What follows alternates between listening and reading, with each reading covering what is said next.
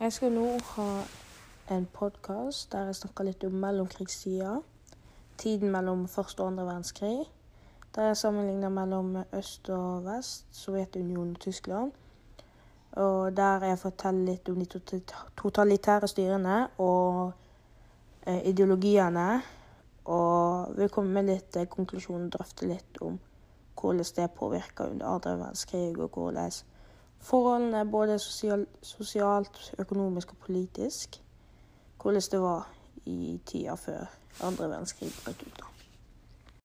Kommunismen er en ideologi der, eh, som går ut på at alt skal eies av staten og styres av eh, regjeringen på vegne av folket. Det skal være et klasseløst samfunn der det er rettferdig og likhet for alle. Og i kommunismen er det bare et parti å stemme på.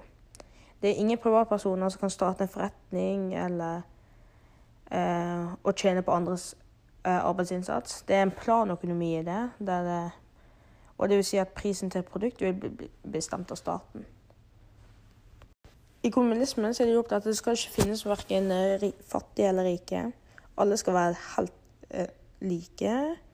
Staten skal eie alt, eller i hvert fall mest mulig, og godene skal fordeles riktig i samfunnet.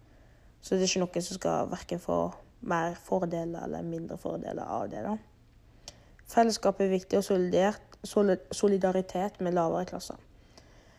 Eh, folk skulle få frihet til å bli løfta ut av fattigdom og sterk statlig styring.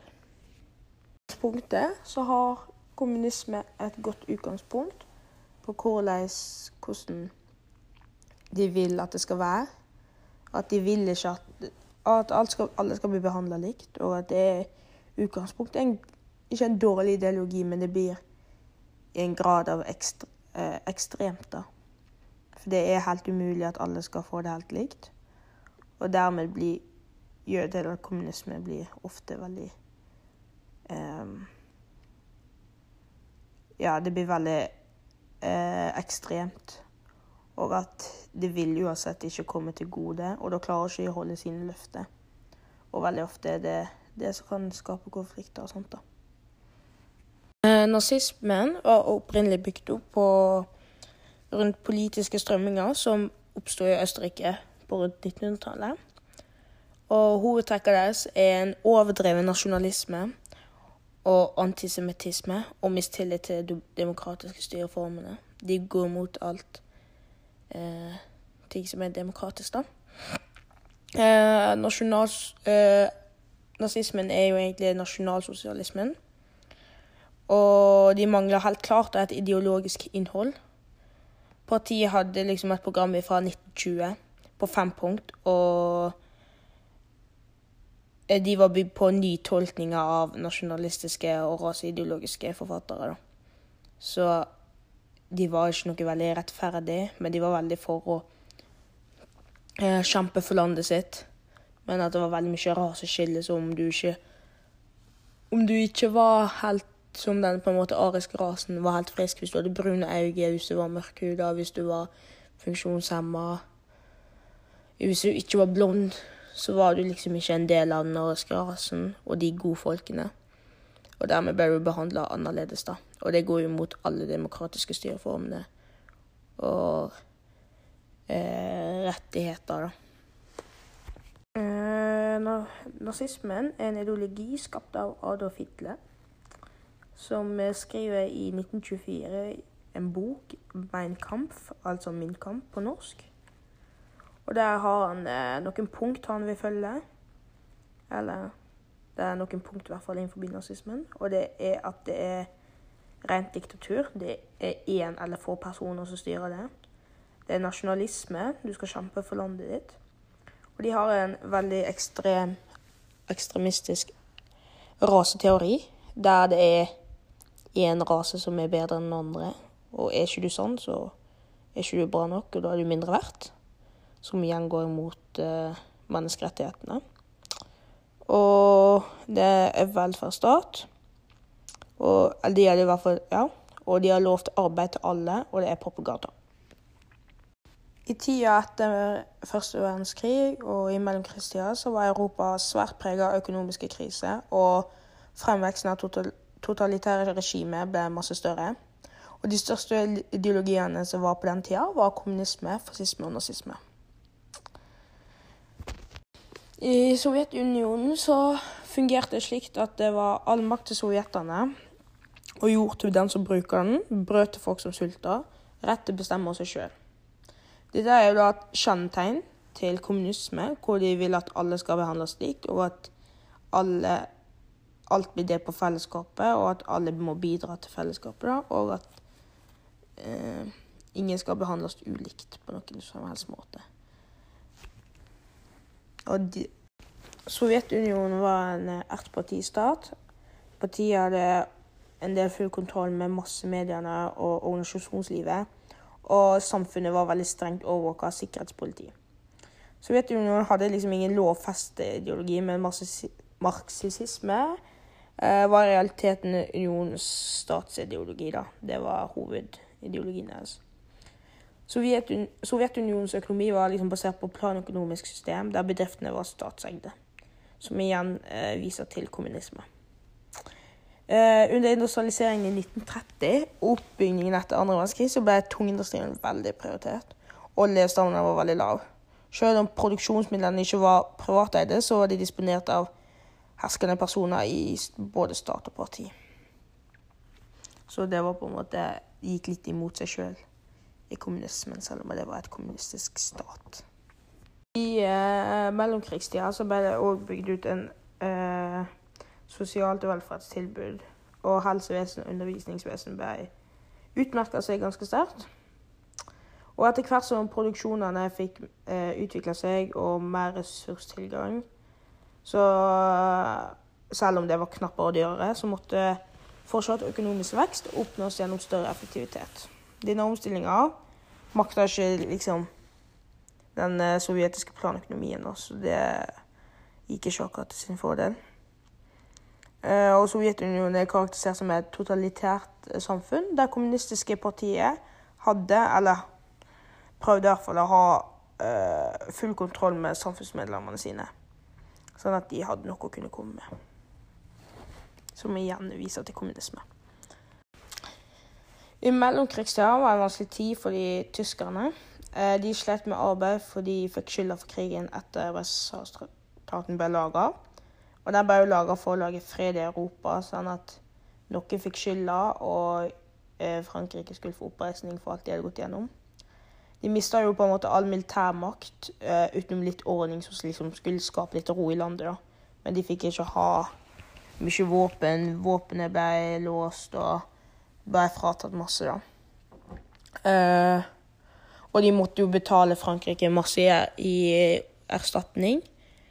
Og det gjorde til at landet ble mer fattigere, det ble mindre jobb og lønn til arbeidstakere, som på den tida var menn.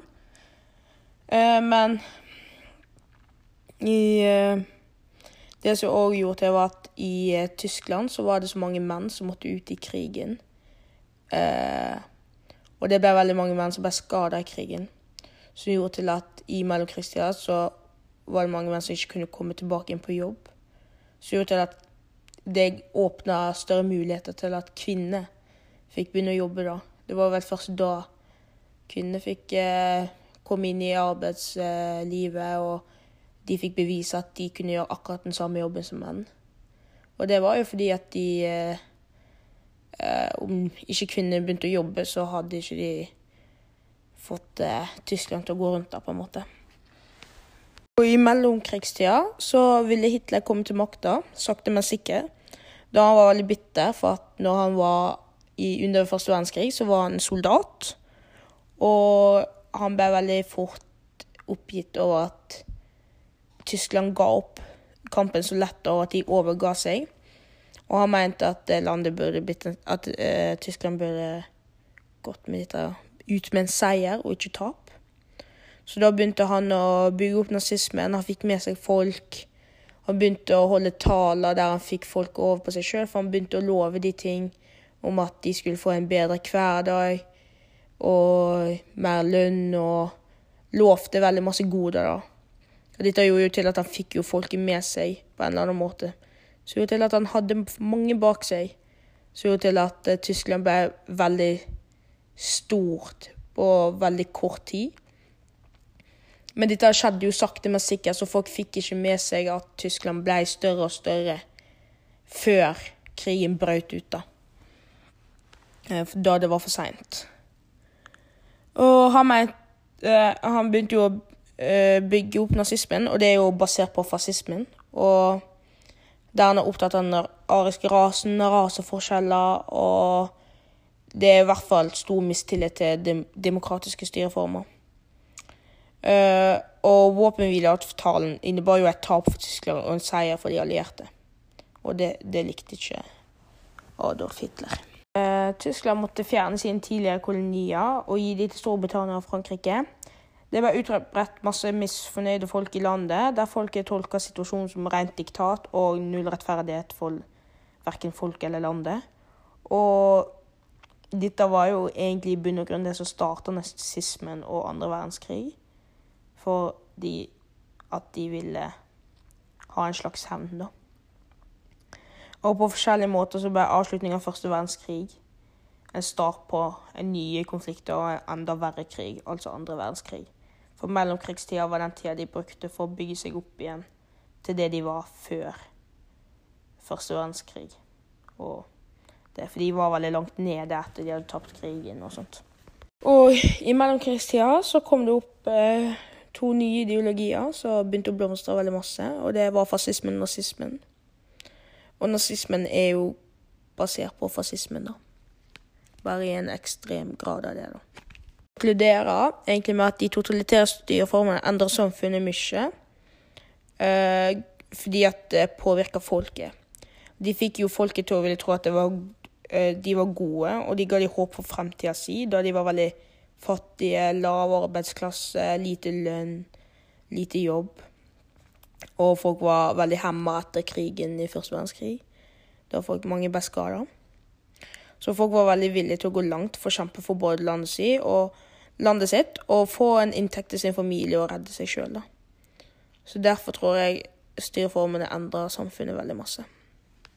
Jeg mener at uh, ideologiene hadde masse å si for uh, utviklingen av andre verdenskrig.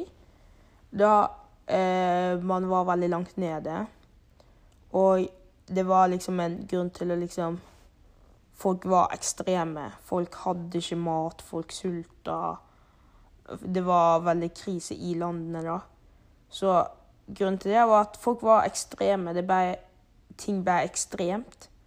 Og folk gjorde, folk gjorde alt for å kunne eh, redde sitt skinn. På en måte at de, eh, de ville jo kjempe for landet fordi de følte det var ikke rettferdighet med eh, avt, eh, fredsavtalen. Fordi at det gikk jo bare fordeler til de allierte, og at Tyskland fikk jo ingen fordeler med eh, fredsavtalen.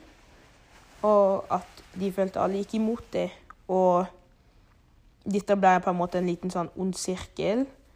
Og siden de bygde jo seg opp igjen i mellomkrigstida, og siden de klarte å bygge seg opp igjen så kjapt, og at de ble så store, så var det på en måte det som eh, gjorde til at andre verdenskrig brøt ut. da.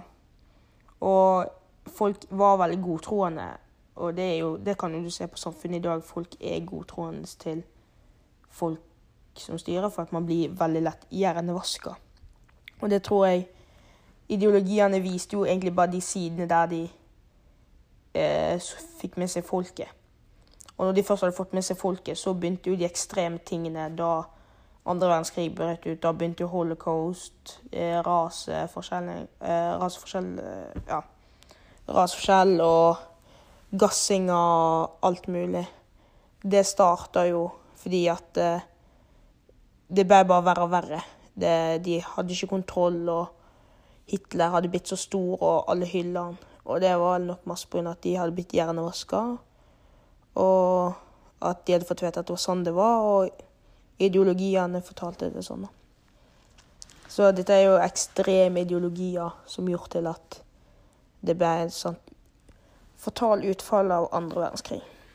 Og at det var det som gjorde til at krigsutviklinga ble veldig stygg.